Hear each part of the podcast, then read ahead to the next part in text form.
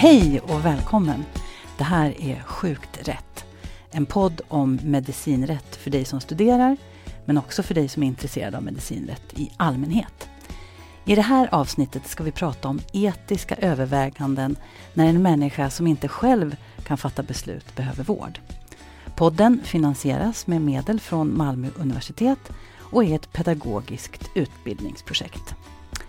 Den här podden ska inspirera, väcka tankar och frågor kring medicinrätt. Jag som leder samtalet är journalist och heter Agneta Nordin och vid min sida har jag Lotta Wendel som är forskare i medicinrätt vid Malmö universitet. Jag har funderat på en sak. Om hur det är när jag blir gammal. Eller hur det kommer att bli. Och kanske inte kan fatta beslut om eventuell vård själv. Vad händer då? Och vem fattar beslut åt mig? I Sverige bygger vård och omsorg på frivillighet och att man inom vården i regel inte får vårda mot den enskildes vilja. Det här är reglerat både i socialtjänstlagen, patientlagen och i LSS, lagen om stöd och service till vissa funktionshindrade. Verksamheten ska utgå från respekt för den enskildes självbestämmande och integritet, som det heter. Varje dag på varje klinik och vårdinrättning i landet fattas beslut om vilken typ av vård en sjuk person behöver. Och lite svepande så kan man ju säga att det är ganska okomplicerat när människan själv är kapabel att tycka om eller ha åsikter kring ingrepp eller vårdinsats. Men när det gäller människor som av olika anledningar inte själva kan vara med och påverka och inte kan säga sitt och inte kan samtycka, vad händer då? Vilka etiska överväganden görs och vilka borde göras? Om det ska vi prata med Linus Broström som är forskare i medicinsk etik vid Lunds universitet och som länge forskat om de här frågorna. Välkommen Linus! Tack så mycket! Du, ehm, jag ska börja med att fråga dig, hur kommer det sig att du har fokuserat på just de här etiska frågorna? Eh, det är väl som så ofta i en bemärkelse tillfälligheter men jag kan väl säga som så mycket att det är, jag tycker att det är etiska frågor som är eh, för det första väldigt angelägna. Det är väldigt många utav oss som är påverkade antingen därför att vi eh, Eh, vi kanske kommer själva att eh, få nedsatt beslutsförmåga, det är ganska sannolikt. Och eh, om inte annat så känner vi någon, vi har kanske närstående som är i den här situationen. Så det är vanlig, en vanlig situation, ett vanligt problem. Men sen så tycker jag väl det personligen är intressant att fundera på också därför att det, det är etiska frågor som är svåra på ett särskilt sätt. Det, det, stimulerar tanken när det, när det är svårt att veta. Hur då svårt? På Nej, men det, det involverar avvägningar som är svåra. Olika intressen står mot varandra här. Eh, Å ena sidan låt oss säga vår rätt att få, få bestämma över våra egna liv och å andra sidan vår rätt eller vårt intresse av att skyddas från att komma till skada. Mm. Det är, en, det är en, en, klassiskt svår avvägning att göra som, som hela den här problematiken egentligen. Jag tänker att det kan ju också kanske handla om att man faktiskt inte är medveten om vad som är bäst för en själv. Eh, så är det naturligtvis. Mm. Mm. Eh, det heter ju att patienten ska samtycka till vård som erbjuds. Hur, hur är det reglerat egentligen? Lotta, vad säger du om det? Ja, när, när patientlagen kom 2015 så reglerar man det i detalj. Tidigare så var det mer än någonting som man fick utläsa av den här skyldigheten att respektera självbestämmande och integritet. Men nu står det i fjärde kapitlet patientlagen att hälso och sjukvård får inte ges utan patientens samtycke. Eh, om inte annat följer av denna eller någon annan lag. Och i patientlagen så finns det ett undantag som gör det möjligt att behandla patienter akut om det är nödvändigt för att rädda deras liv och hälsa. Om man inte skulle kan. det kunna vara en bilolycka? Eller något precis, mm. precis, när patienten är medvetslös och måste ha akutvård så blir det tillåtet. Och i övrigt så, så finns det möjligheter i den psykiatriska vården att vårda med tvång. Och sen i smittskyddslagen också så finns det ett indirekt tvång kan man säga eftersom patienter som inte följer de riktlinjer som behövs när man har en allmänfarlig smitta kan frihetsberövas. Mm. Eh, och det samtycket är starkt och man kan ha rätt att när som helst avbryta en behandling om man inte längre vill, mm. vill delta i den. Med dina forskarögon då, så, så, kan man ju ana att det finns en problematik här, det skulle kunna uppstå svårigheter. Vad tänker du om den här samtyckandet? Eller tycker om, hur ser forskningen ut kring detta? Eh, forskningen kring samtycke den, den, är förmodligen bred och jag känner ju inte till allt. Det, det har väl bedrivits forskning, empirisk forskning kring, eh, kring hur eh, samtycken inhämtas kanske och, eh, och eh, ehm, eller eventuellt inte inhämtas. Ehm, och, och hur professioner ser på sådana där saker. Det, det, där är inte riktigt mitt område utan mitt område är den, de mer Eh, etiska frågorna, normativa frågorna, hur, hur vi bör se på, eh, på samtyckesproblematiken. Ja, hur bör vi se på? Eh, en, en väldigt stor fråga. Om vi stannar ett ögonblick vid den här allmänna frågan om samtycke, alltså inte de särskilt, alltså inte rörande de, särskilt de med nedsatt beslutsförmåga så så uppstår ju frågan till exempel om när samtycket är informerat nog. Eh, eh, hur mycket behöver jag ha förstått för att mitt samtycke ska vara giltigt? Eh, mm. ligger väldigt nära den problematik vi pratar om, ska prata om idag. Mm. Och det där tycker jag är, är, viktigt att komma ihåg att det där är inte klargjort. Inte solklart. Det hittar vi inte var, alltså, så att säga, varken i lagtext eller förarbeten eller så. Eh, precis hur mycket man måste ha förstått, precis vad måste man ha förstått. Och handlar det om information och kommunikation och hur den uppfattas då? Ja det handlar om att eh, vi har ju inget informerat samtycke från en patient om patienten inte först har fått information. Och det, det är ju relativt väl, inte fullständigt eller perfekt beskrivet, men relativt väl beskrivet vad man behöver informera om. Men vi har inte riktigt i samma utsträckning ett svar på frågan om ja, men precis hur mycket av det behöver jag ha förstått. Skyldigheten att informera är också reglerad i patientlagen och precis som Linus säger så, så är det ju där är egentligen alla eh, parabler täckta i tredje kapitlet patientlagen. Och där står det också att den som ger informationen ska så långt som möjligt försäkra sig om att mottagaren har förstått innehållet i och betydelsen av den lämnade informationen. Men det låter ju sig sägas, för hur, hur, hur, garanterar man det? Hur kan man, hur kan man vara säker på att informationen verkligen har gått in? Jag tänker att får man ett, ett jobbigt och besvärligt besked om att man har en allvarlig sjukdom så bara då händer ju någonting med människor som gör att mm. många i alla fall, att man stannar till och att man kanske inte är så mottaglig och då får man ju fundera på om man kanske måste komplettera med skriftlig information eller att man måste ha kontakt senare. Men hur som helst så är det ju en annan fråga hur man försäkrar sig om att patienten verkligen har förstått. Jag tänker att en fråga är hur man just försäkrar sig om att, mm. att det är en utmaning i sig. Hur, hur ja, dels hur, hur stora ansträngningar behöver jag göra för att försäkra mig om det? Hur, hur går jag tillväga? Och så vidare. Men, men säga att jag har gjort ett, ett hyfsat gott jobb där som, som eh, eh, vårdanställd, som läkare låt oss säga och, och gör en bedömning av ja men så här mycket har den här patienten förstått. Då uppstår nästa fråga, ja men räcker det då? Jag menar patienten behöver väl aldrig skriva under eller liksom verifiera att den har förstått? Utan du som läkare då eller mm. du som sjuksköterska eh, måste ju lita på att okej, okay, nu informerar ni mig och att det verkar som att jag har fattat. Mm. Och sen kan det ju vara så att jag inte begreppet dugg. Mm. Och hur vet ni det då? Mm.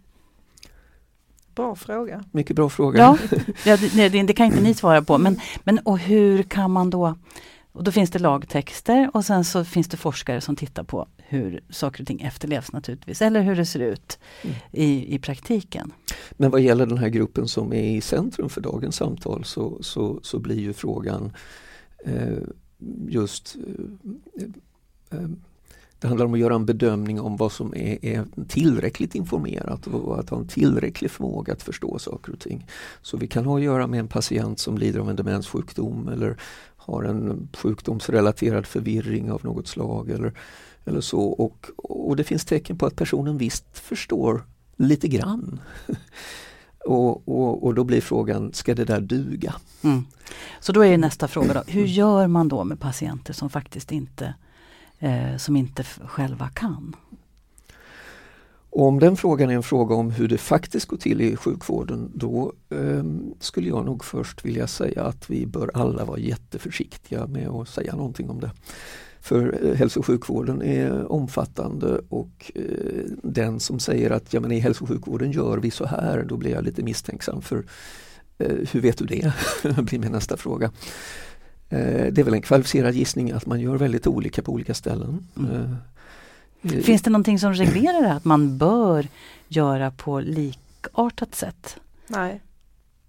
Det Nej. finns inget sånt utan det är upp till varje eh, vårdinrättning då? Ja det kan ju vara så att vårdgivare har olika riktlinjer för hur man lämnar information men lagen i lagen sägs det i alla fall bara vilka saker man är skyldig att informera om. Mm. Sen står det också i förarbetena till tredje kapitlet att alla de här skyldigheterna behöver inte vara aktuella vid varje enskilt vårdtillfälle utan de får anpassas efter vad som är aktuellt i det enskilda fallet.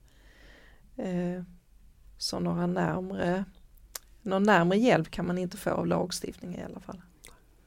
Och vad gäller gruppen med nedsatt beslutsförmåga då så, så ehm, eh, så finns det väl anledning att tro att det kan gå till på just alla möjliga sätt och vis. I vissa delar av hälso och sjukvården så kommer man kanske duktigt att åberopa eh, de, de undantag eh, från kravet på informerat samtycke som får dem som finns, de få undantagen då som patientlagens fjärde kapitel, fjärde paragraf till exempel, detta med akut, eh, att förhindra akut fara för, för liv eller hälsa. Eh, medan man i andra sammanhang kanske accepterar någonting som ett samtycke som man vid närmare eftertanke inte borde acceptera som ett samtycke. Vad skulle det kunna vara? Mm. Ja men eh, vi har en patient som inte verkar protestera eller som är ja men man vinnlägger sig inte om att eh, säkerställa att personen verkligen har haft förutsättningar, en, en sportslig chans att förstå den här mm informationen. Eller omvänt att man, att man äh, gör bedömningen att den här patienten behöver ju vården så vi äh, det där med samtycke får stå åt sidan mm. trots att man saknar lagstöd. Du är inne på det där med den förmodade viljan, för det tangerar det du är inne på nu, eller hur? Och de etiska problem som finns med just det begreppet. Eh, ja det begreppet det, det förekommer ju ibland, det, det, förekommer snarlika begrepp som, som eh, förmodat samtycke eller presumerat samtycke. Och så här. Vi, eller vi, hypotetiskt samtycke. hypotetiskt samtycke. Och vad är det för något? Vad är hypotetiskt? ja det är när man inte kan få ett sånt här informerat samtycke från en person som har kapacitet att lämna det. Då försöker man skapa sig en bild av vad patienten hade velat om patienten hade kunnat ge uttryck för någon slags vilja. Och då pratar man med anhöriga och man tänker på hur patienter i allmänhet brukar reagera och hur viktig behandlingen är för patienten eh, och så vidare. Och så lägger man ihop all den här om patienten har sagt någonting innan man blev sjuk eller eh, om det finns anteckningar i patientjournalen som ger uttryck för hur patienten förhåller sig och all den här informationen läggs liksom i en gemensam pott och så, så försöker man få en sammantagen bild därifrån. Nej, jag, tänker väl, eh, jag tänker att vi kanske ska backa ett steg för att förstå varför vi överhuvudtaget mm, mm, har valt den här vägen och börja prata om de här presumerade samtyckena eller förmodade samtyckena och sånt. Eh, och det är väl för att vi i Sverige har liksom bestämt oss för att samtycke ska vara den eh, rättsliga grund på vilken vård eh, ska få ges. Och och man hade kunnat tänka sig andra lösningar för de personer som inte är samtyckesförmögna så att man, så att man sa att ja men har vi att göra med en person som inte kan ge några giltiga samtycken då ger vi behov därför, eller ger vi vård för att vi har en person som behöver vården till exempel. Mm. Men eh, på grund av att självbestämmande rätten är så stark i, i svensk rätt så har man så, eh, så vill man gärna eh, pressa det här samtyckesbegreppet så långt, det kan, så långt man bara kan. Mm, för att låta det vara den, den ansvarsbefriande grunden då för, för att ge vård. Mm. Och, och, risken är ju här att man, att man eh, pressade bort dem, eh, liksom igenkännlighet. Så, ja. så vi, vi börjar tala om former av samtycken som det är inga verkliga samtycken. Nej, för jag tänker på det som du var inne på Lotta och så tänker jag på mig själv då som den här gamla äldre damen som, som jag har blivit dement och kan inte. Gör, och då, då görs då en samlad bedömning av mig utifrån andra eh, patienter eller hur man har och, vad, och jag möjligen kan tänkas. Och då blir man ju lätt liksom en, en liten grupp. Mm. Alltså man blir ihopklumpad med mm. eh, fastän jag, ja, mm. man vet ju fortfarande inte vad jag vill. Mm. Nej, man, men det är ju, det är ju antaganden man gör utifrån hur människor brukar förhålla sig och det kan ju också vara så att eh, om man har gett uttryck för en uppfattning, det kanske är tio år tillbaka i tiden, har man, har man fortfarande den uppfattningen, det gör man sig också ett, en föreställning om. Så hur det egentligen förhåller sig vet man ju väldigt lite. Ja, mm. det, är, det är många aspekter utav detta som, som är värda att kommentera och, en har att göra med detta, vad, vad, vad, är det vi försöker ta fasta på här? Vi kan ha att göra med patienter som faktiskt inte, de vill ingenting, de, de har ingen det, det, är inte så att det finns en inre vilja som vi ska fiska fram för den, den finns inte där. Kanske finns en hypotetisk vilja, vad, vad hade personen önskat? Eh, Men, om, mm. om de hade kunnat. Men det där blir en, en, en rekonstruktion som är Eh, man kan, för att uttrycka det snällt eller, eller försiktigt, så kan man säga att den är spekulativ. Eh, men problemet är egentligen djupare än så därför att det är svårt att veta vad är det för slags hypotetisk vilja vi ska ta sikte på. Så om, om jag nu har råkat ut för den här olyckan och, det, och jag här och nu eftersom jag är medvetslös så vill jag ingenting, jag förstår inte att jag behöver vård ens och så vidare. Ja, vad hade Linus då önskat om man hade kunnat ta ställning? Mm. Hur ska man tänka då? Ska man tänka vad hade Linus önskat igår när han ännu inte hade eh, råkat ut för den olyckan? Ja, det verkar kanske rimligare än att fråga sig vad hade jag velat för 20 år sedan? Inte sant? Mm. Å andra sidan, om jag igår var ganska nedstämd eller jättestressad eller eh, vad helst som har, då kunde ha påverkat mina förmågor.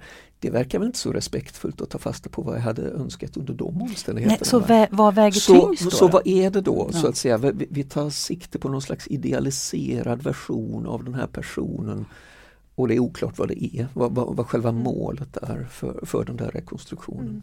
Kan jag säga som en etiker i alla fall. Mm. Och att, att man gör de här tankeexperimenten det, det bygger bland annat på att personalen har en skyldighet att tillhandahålla vård och har också i sina etiska dokument en, en moralisk etisk skyldighet att göra gott och bota och lindra smärta och, och så. Mm, enligt konstens alla regler. Ja, och det här mm. etoset är så starkt så att man vill hitta någon, någon rättslig grund för att göra det man är satt Precis. där att, att genomföra. Mm. Mm. Och vi ska väl tydliggöra i sammanhanget att eh, menar, den rättsliga statusen hos hypotetiska samtycken eller presumerade samtycken är eh, åtminstone oklar. Ja. Eh, så det, det, är inte som att, att vi hittade eh, hittar i rättskällorna tydliga ställningstaganden som säger att under de här omständigheterna kan du luta dig av, mot ett mm. hypotetiskt samtycke utav det här mm. slaget. Utan det, mm. det, det är grumligare än så. Mm. Ja, nej, men jag hör raden av dilemman som mm. kan radas upp. Nej, det är alldeles och det, och det är en, det är en svaghet i lagstiftningen att man, man, lagen är ju skriven utifrån att alla är klara och kapabla alltid. Eh, och det är så, som Linus sa tidigare, den här starka fokuseringen på autonomin.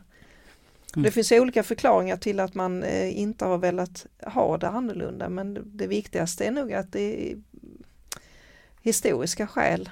Att det finns ju flera exempel tillbaka i tiden där vård och omsorgspersonal har satt sig över enskildas självbestämmande rätt och inte visat den respekten. Så att därför finns det en obenägenhet att ta den vägen. Du lyssnar på Sjukt rätt, podden om medicinrätt. I det här avsnittet om vård av patienter med nedsatt beslutskapacitet.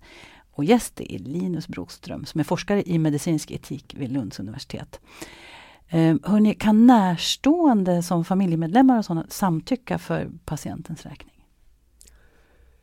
Det korta svaret är nej om vi talar om eh, närstående till vuxna. Eh, föräldrar kan naturligtvis, eller vårdnadshavare kan naturligtvis samtycka för sina barns räkning men om vi nu talar om vuxna så, så inte i egenskap av att vara närstående eh, åtminstone.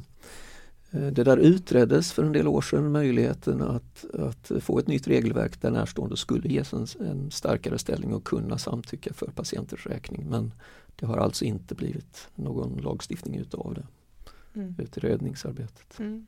Och vi kan väl säga också att även för barn är det ju så att barnet själv i takt med ålder och mognad ska tillerkännas en självbestämmande rätt som då trumfar ut vårdnadshavarnas eh, rätt att bestämma. Så inte ens för alla barn kan vårdnadshavarna eh, fatta beslut. Nej. Men jag tänker på när min son var liten och hade ont i öronen så tog jag honom naturligtvis till doktorn. Mm. Och han behandlades för den öroninflammation han hade. Men det, det gav ju inte han något samtycke till. Nej, han hade Nej. väl inte den åldern och mognaden. Nej, det hade han då. inte. Men om Nej. han skulle ha varit, nu är det väl någonstans i tonåren som, som vanligtvis den här beslutande rätten går över. Så låt säga att han hade varit 16-17 och vägrat behandling för sina öron för, för sin smärta i öronen, då hade du inte haft sådär jättemycket att inte? säga emot. Nej. Nej. Nej. Jag hade ju kunnat försöka övertala honom och säga att det blir bättre om du mm. får lite mm. penicillin och så vidare. Mm. Ja. Mm. Okej. Okay. Eh, finns det någon annan då som kan besluta för patientens räkning? Till exempel god man eller förvaltare eller så? Eh, om jag får börja där också. Ja, så, så um, man kan väl säga att det finns en um, det finns en möjlighet men den är väldigt begränsad för gode män och förvaltare. Ehm, jag tror det finns två missuppfattningar där. Ehm, ena missuppfattningen är att, eh, som, som somliga tycks ha, att eh, oh, här har vi en demenssjuk person men personen har en god man, då får god, den gode mannen samtycka till den här vårdåtgärden. Så enkelt är det inte. Ehm, därför att um, eh, hälso och sjukvårdsåtgärder, eller åtminstone somliga utav dem, har betraktats som eh, personliga på ett sätt som gör att, att man, man säger att det är den enskilde själv som borde få lov att fatta beslut eh, i dem och att eh, gode män och förvaltare kanske inte är behöriga att göra det. Och det finns några, det finns ju eh, förarbetsuttalanden om det men de är, inte, de är lite vaga också så de säger ungefär att i allmänhet och i, liksom i normalfallet så ska inte en förvaltare, låt oss säga, kunna eh, samtycka till eh, eh, operativa, alltså operationer eller någonting sånt. Och i princip så lämnar man dörren öppen för att gode män och förvaltare skulle kunna samtycka till eh, vissa andra mindre ingripande vårdåtgärder och så men det finns ingen förväntan om att de ska göra det och i praxis så, mm. så får de inte den rollen, så kan man säga. Mm. Men vad säger lagen då? Eh, jag, jag, skulle nog vara mer tveksam än Linus. För, för ehm, eh, ja, till att börja med, god, gode män har ju ingen beslutande rätt alls för sin huvudman utan det är förvaltare som, som kan ha en viss beslutande rätt. Vad är skillnaden på god man och förvaltare då? En god man är ju ett, ett råd och ett stöd för den enskilde medan en förvaltare får ett konkret uppdrag som gör att man kan agera utan, utan sin huvudmans eh, samtycke. Eh, man kan säga att, att, båda kan ju samtycka för sin huvudmans eller den enskildes räkning men, mm. men eh, en eh, förvaltare kan agera på egen hand. På, e ja. på egen hand utan samtycke och, mm. och mot den enskildes eh, mm. vilja. Kan inte medge tvångsåtgärder men kan fatta mm. beslut eh, mm. utan ett samtycke från. Mm. Mm. Men båda de här eh, funktionerna, regleringen av dem är ju inte eh, skriven för ett hälso och sjukvårdssammanhang. Utan den lagstiftningen finns i föräldrabalken och är till för att eh, hantera civila rättigheter kan man säga. Hantera att man betalar sina räkningar eller att man är ett stöd i kontakt med myndigheter och så. Och det här är ett annat samhällsområde som, som de här funktionerna inte är avpassade för. Och därför blir det ju en sån osäkerhet hur, hur, man, ska, hur man ska hantera dem jag tror att vi, vi, vi har nog snarlik syn på detta mm. i alla mm. fall i, i, i det att eh, eh, godmans och förvaltarskapsuppdragen är, är eh, eller de instituten är utformade framför allt för andra typer utav av stöd kan man säga. Mm. Men jag, jag, tror den poängen jag vill göra var nog mer det att dörren är inte rättsligt helt stängd för att en, för en god man eller förvaltare skulle kunna ge ett, ett mm. giltigt samtycke för den enskildes räkning också i vårdsammanhang beroende på vad vårdfrågan är. Mm. Men, men mm. som sagt det, det, det är ett, äh, återigen ett sånt här lite grum, mm. grumligt område. Filosofiskt uttryckt, den är inte helt stängd. Den är inte helt stängd. Jag skulle säga nej, det är, det är någonting annat än att säga att den är öppen dörren. Ja, är, nu är vi nere på filosofi. en annan grej som jag har tänkt på eh, som kanske inte riktigt har, för det egentligen handlar det om att förneka någon vård eller till exempel eh, blodtransfusion, barn, barn som kanske behöver blodtransfusion eller vaccin för allt i världen. Mm. Där är, är ju den vuxna eller vårdnadshavaren, där där, där, finns det inget samtycke om att bli nekad. Mm. Är det någonting som, som du tittar på också? Eller? Ja, det mest, mest intressanta det är för om, om vårdnadshavare nekar eh, yngre barn eh, behandling som de behöver eh, så måste ju hälso och sjukvårdspersonal göra en orosanmälan till socialtjänsten. Och i, i, i, sin yttersta spets så kan det bli aktuellt med tvångsomhändertagande enligt lagen om vård av unga. Och då övertar socialnämnden i någon mening beslutande rätt för barnet. Det som kan vara lite rättsligt problematiskt är när eh, äldre barn som anses ha tillräcklig ålder och mognad att fatta beslut själva och då väljer att tacka nej till behövlig vård. Då är det liksom två regelverk som är lite grann i konflikt med varandra. För, för det kan vara rimligt att göra en orosanmälan då också till socialtjänsten eftersom barnet riskerar att fara illa. Men, men socialtjänsten har ju inte samma rättsliga möjligheter att göra någonting mot ett äldre barn som tackar nej till behövlig vård. Ehm, jag funderar på om ehm, vi ska runda av. Ehm, men vi pratar om den svenskheten, att normen är samtycke och att människor som inte har kapacitet att fatta beslut själva då så ska man göra den här vägen. Finns det, finns det likheter utomlands? Andra länder som, eller är Sverige unikt? I det här avseendet? Sverige är inte alls unikt utan det, jag menar normen att, att fästa stor vikt vid självbestämmandet den, den präglar ju många länder i vår del av världen kan man säga. Och vi har ju snarlik både snarlik problematik och snarlika försök att reglera det i, i, eh, i andra länder. Vi har eh, det som, som vi var nära att eh, genomföra i Sverige, det, var, det, utreddes eh, som sagt för en del år sedan de här frågorna och eh, man la ett förslag som var en, vad ska vi säga, en, en light-version av en reglering som vi har i England och Wales, den så kallade Mental Capacity Act. Eh, som går ut på? Ja men det är en väldigt detaljerad reglering som, som handlar om hur ska vi bedöma att någon saknar samtyckesförmåga. Eh, om vi gör den bedömningen eh, eller i, för, i, första läget så, så, ska utgångspunkten vara att människor är samtyckesförmögna. Vi ska presumera det men ibland får vi tecken på att de inte är det. Eh, då ska vi göra en noggrann bedömning av samtyckesförmågan. Eh, bedömer vi att de inte kan samtycka med giltighet så måste de, då, då ska vi ha eh, stöd i olika former och vi ska ha ställföreträdarskap som ska fungera på de här, de här sätten. Och man har till och med en, liksom specialdomstolar för att lösa konflikter och så. i det där. Så, så ehm, där har man valt att, att, att reglera detta i, i relativt stor detalj.